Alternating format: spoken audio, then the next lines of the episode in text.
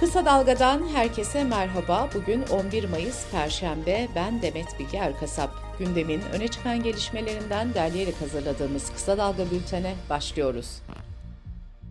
14 Mayıs seçimlerine 3 gün kaldı. Seçim ve sandık güvenliği önemli konuların başında geliyor. Yurt dışında yaşayan Türk vatandaşlarının kullandığı oylar diplomatik kuryeler eşliğinde uçaklarla İstanbul Havalimanı'na getirildi. Oylar İstanbul Havalimanı'nda kurulan ve 7 kilitli kapının bulunduğu odada muhafaza ediliyor. Yurt dışı seçmen kütüğüne kayıtlı seçmenler başta İstanbul Havalimanı olmak üzere tüm gümrük kapılarında 14 Mayıs saat 17'ye kadar oy kullanabilecek.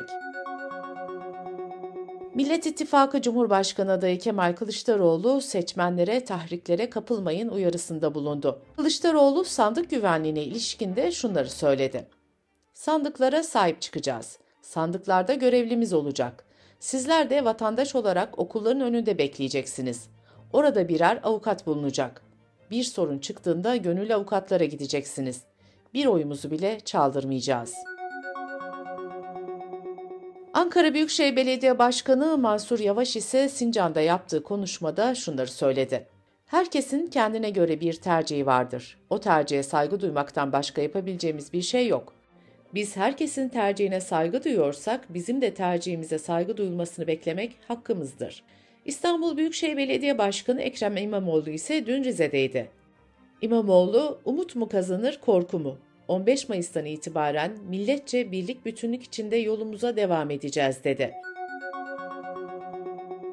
AKP Genel Başkan Vekili Numan Kurtulmuş seçim güvenliğine ilişkin sorun olmadığını belirterek sonuç ne olursa olsun Türkiye'nin nasıl yönetileceği anayasal kurallarla bellidir. Sonuç demokratik bir sonuçtur diye konuştu. AKP sözcüsü Ömer Çelik de Türkiye güvenli bir ülkedir ve seçimler güven içinde yapılacaktır dedi. Cumhurbaşkanı Recep Tayyip Erdoğan, Danıştay'ın 155. kuruluş yıl dönümü töreninde konuştu. Erdoğan şunları söyledi. Türkiye yüzyılı vizyonumuzun en önemli hedeflerinden biri ülkemizi sivil ve özgürlükçü bir anayasaya kavuşturmaktır. Seçimlerden sonra bu konuyu gündeme taşıyacağız. Yeşil Sol Parti seçim çalışmaları kapsamında Iğdır'da miting düzenledi. HDP eş genel başkanı Pervin Buldan bir arada yaşam mesajı verirken bir oy Yeşil Sol'a bir oy Kemal Kılıçdaroğlu'na çağrısı yaptı. Pervin Buldan, bu ülkeye barışın, huzurun, refahın, sevginin, adaletin gelmesini istiyoruz dedi. Memleket Partisi Genel Başkanı ve Cumhurbaşkanı adayı Muharrem İnce'nin İzmir ve Manisa'da gerçekleştirilmesi planlanan mitinglere sağlık sorunları nedeniyle iptal edildi. Antalya'da tüketici mahkemesinden özel okul ücretlerinde %65'i geçen artış oranı ile ilgili önemli bir karar çıktı. Milli Eğitim Bakanlığı'nın kararıyla özel okullarda ücret artışına dair %65'lik oran belirlenmişti. Antalya'da bir veli %65 zam yaptı ancak özel okul bu oranın üzerinde ücret talep edince konuyu tüketici mahkemesine taşıdı. Antalya Tüketici Mahkemesi ise zammın %65 olacağını belirterek çocuğun okula devam etmesini hükmetti. Tüketici Konfederasyonu Başkanı Aydın Ağoğlu kararla ilgili şu yorum yaptı. Birçok özel okul zammı %100 hatta %200 oranında yapıyor. Veliler ödeyemeyince de çocuklarının kaydı yapılmıyor. Mahkeme emsal bir karar vererek bu kaydın yapılmasına karar verdi. Kısa Dalga Bülten'de sırada ekonomi haberleri var. Türkiye İstatistik Kurumu Mart 2023 dönemine ait iş gücü istatistiklerini açıkladı. Buna göre 15 ve daha yukarı yaştaki kişilerde işsiz sayısı Mart ayında bir önceki aya göre 4 bin kişi artarak 3 milyon 508 bin kişi oldu. İşsizlik oranı ise değişmedi ve %10 seviyesinde kaldı. İşsizlik oranı erkeklerde %8.1 iken kadınlarda %13.8 olarak tahmin edildi. Genç işsizlerin oranı ise Mart ayında bir önceki aya göre 0.7 puan artarak %20.1'e çıktı. Diskar'ın raporuna göre ise Mart 2023'te geniş tanımlı işsiz sayısı 8 milyon 308 bin, Geniş tanımlı işsizlik oranı ise %21.8 oldu. Resmi işsizlerin %87.6'sı işsizlik ödeneği alamıyor. Geniş tanımlı kadın işsizliği ise %29.7 olarak gerçekleşti.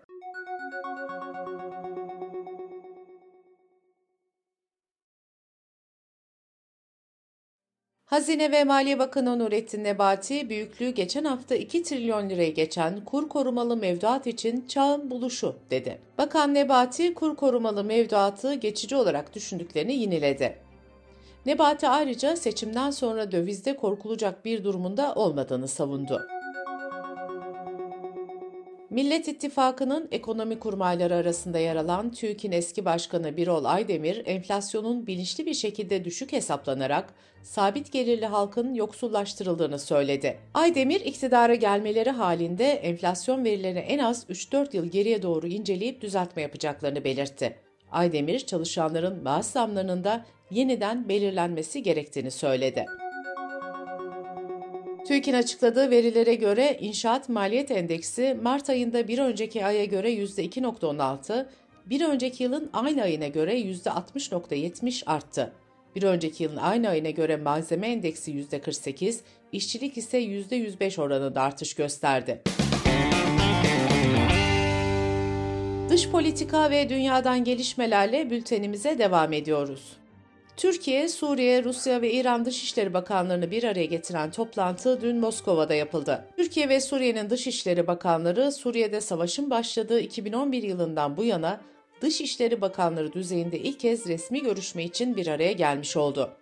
Dışişleri Bakanı Mevlüt Çavuşoğlu toplantıda terörle mücadele ve geri dönüşler konusunda işbirliği ve Suriye'nin toprak bütünlüğü konularının altının çizildiğini söyledi. Rusya ise Türkiye ile Suriye arasındaki ilişkilerin normalleşmesi için bir yol haritası çıkartılması önerisinde bulundu. Maraş depremleri Türkiye'nin yanı sıra Suriye'de de büyük yıkıma neden olmuştu. Adana Tabip Odası Başkanı Selahattin Mentes, Suriye'de 71 binden fazla kolera vakası ve buna bağlı 23 ölüm görüldüğünü bildirdi. Doktor Mentes, sınır noktasında sıkı önlemler alınması gerektiğini de belirtti. İsrail kuvvetleri işgal altındaki Batı Şeria'nın Cenin kenti güneyindeki Kabatya beldesine düzenlediği baskın sırasında iki Filistinliyi öldürdüğü bir kişiyi de yaraladı. Sudan'da ordu ile paramiliter hızlı destek güçleri arasında 15 Nisan'da başlayan çatışmalar nedeniyle ülke çapında evlerinden olanların sayısının 700 bin kişiye yükseldiği açıklandı. Avrupa Birliği Komisyonu'nun hazırladığı 11. yaptırım paketi Rusya yaptırımlarını delen ülkelere de yaptırım öngörüyor. AB kaynaklarına göre Kazakistan, Ermenistan ve Birleşik Arap Emirlikleri Brüksel tarafından Rusya'ya uygulanan yaptırımları delen ülkeler arasında sayılıyor. Reuters ve AFP ajansları da AB'den diplomatik kaynaklara atıfla bu ülkeler arasında Türkiye'nin de olduğunu bildirmişti. Fransa parlamentosu Rus paralı asker şirketi Wagner'in terör örgütü olarak tanınması için Avrupa Birliği'ne çağrıda bulundu. Bazı kaynaklar tarafından Rusya Devlet Başkanı Putin'in fiili özel ordusu olarak görülen Wagner birçok ülkede Rus hükümetiyle çalışıyor. Wagner grubu Ukrayna başta olmak üzere Suriye, Libya, Orta Afrika Cumhuriyeti ve Mali'deki savaşlarda görev yapmıştı. ABD'de yapılan yeni bir kamuoyu yoklaması halkın Başkan Joe Biden yönetimine dair onayının son dönem %40'a gerilediğini gösterdi. Ankete göre Biden'ın göçmen politikalarını onaylayan katılımcı oranı %26. Ankete katılanların %66'sı ise Amerikan askerlerinin sınır ötesine gönderilmesini onaylıyor. İtalya'da geçen yıl Ekim ayında iktidara gelen sağ koalisyon hükümetinin vaatlerinden biri de başkanlık sistemiydi. Başbakan Meloni muhalefet liderleriyle bu konuyu görüşmek üzere bir araya geldi. Muhalefet, başkanlık sistemine geçiş ya da parlamentonun rolünün azaltılması fikrine karşı çıktı. Merkez soldaki Demokratik Parti'nin lideri tek adam ya da tek kadın yönetimine hayır dedi. Fransa merkezi Uluslararası Polis Gücü Interpol bir ilki gerçekleştirerek 1979-2019 arasında Hollanda, Belçika ve Almanya'da öldürülen 22 kadının kimliğini belirleyebilmek için halka başvurdu. Interpol 22 kadının robot resimlerini, aksesuarlarını, kıyafetlerini ve videolarını internetten paylaştı. Bültenimizi kısa dalgadan bir öneriyle bitiriyoruz. Bağış Erten, Uğur Vardan ve Batuhan Herdem her hafta futbolun içinden bir konuyu kendi kuşaklarının perspektifinden ele alıyor. Programın bu bölümünde Napoli özelinde nadir şampiyonlar konuşuluyor. Rejenerasyon programını kısa dalga.net adresimizden ve podcast platformlarından dinleyebilirsiniz. Gözünüz kulağınız bizde olsun. Kısa Dalga Medya.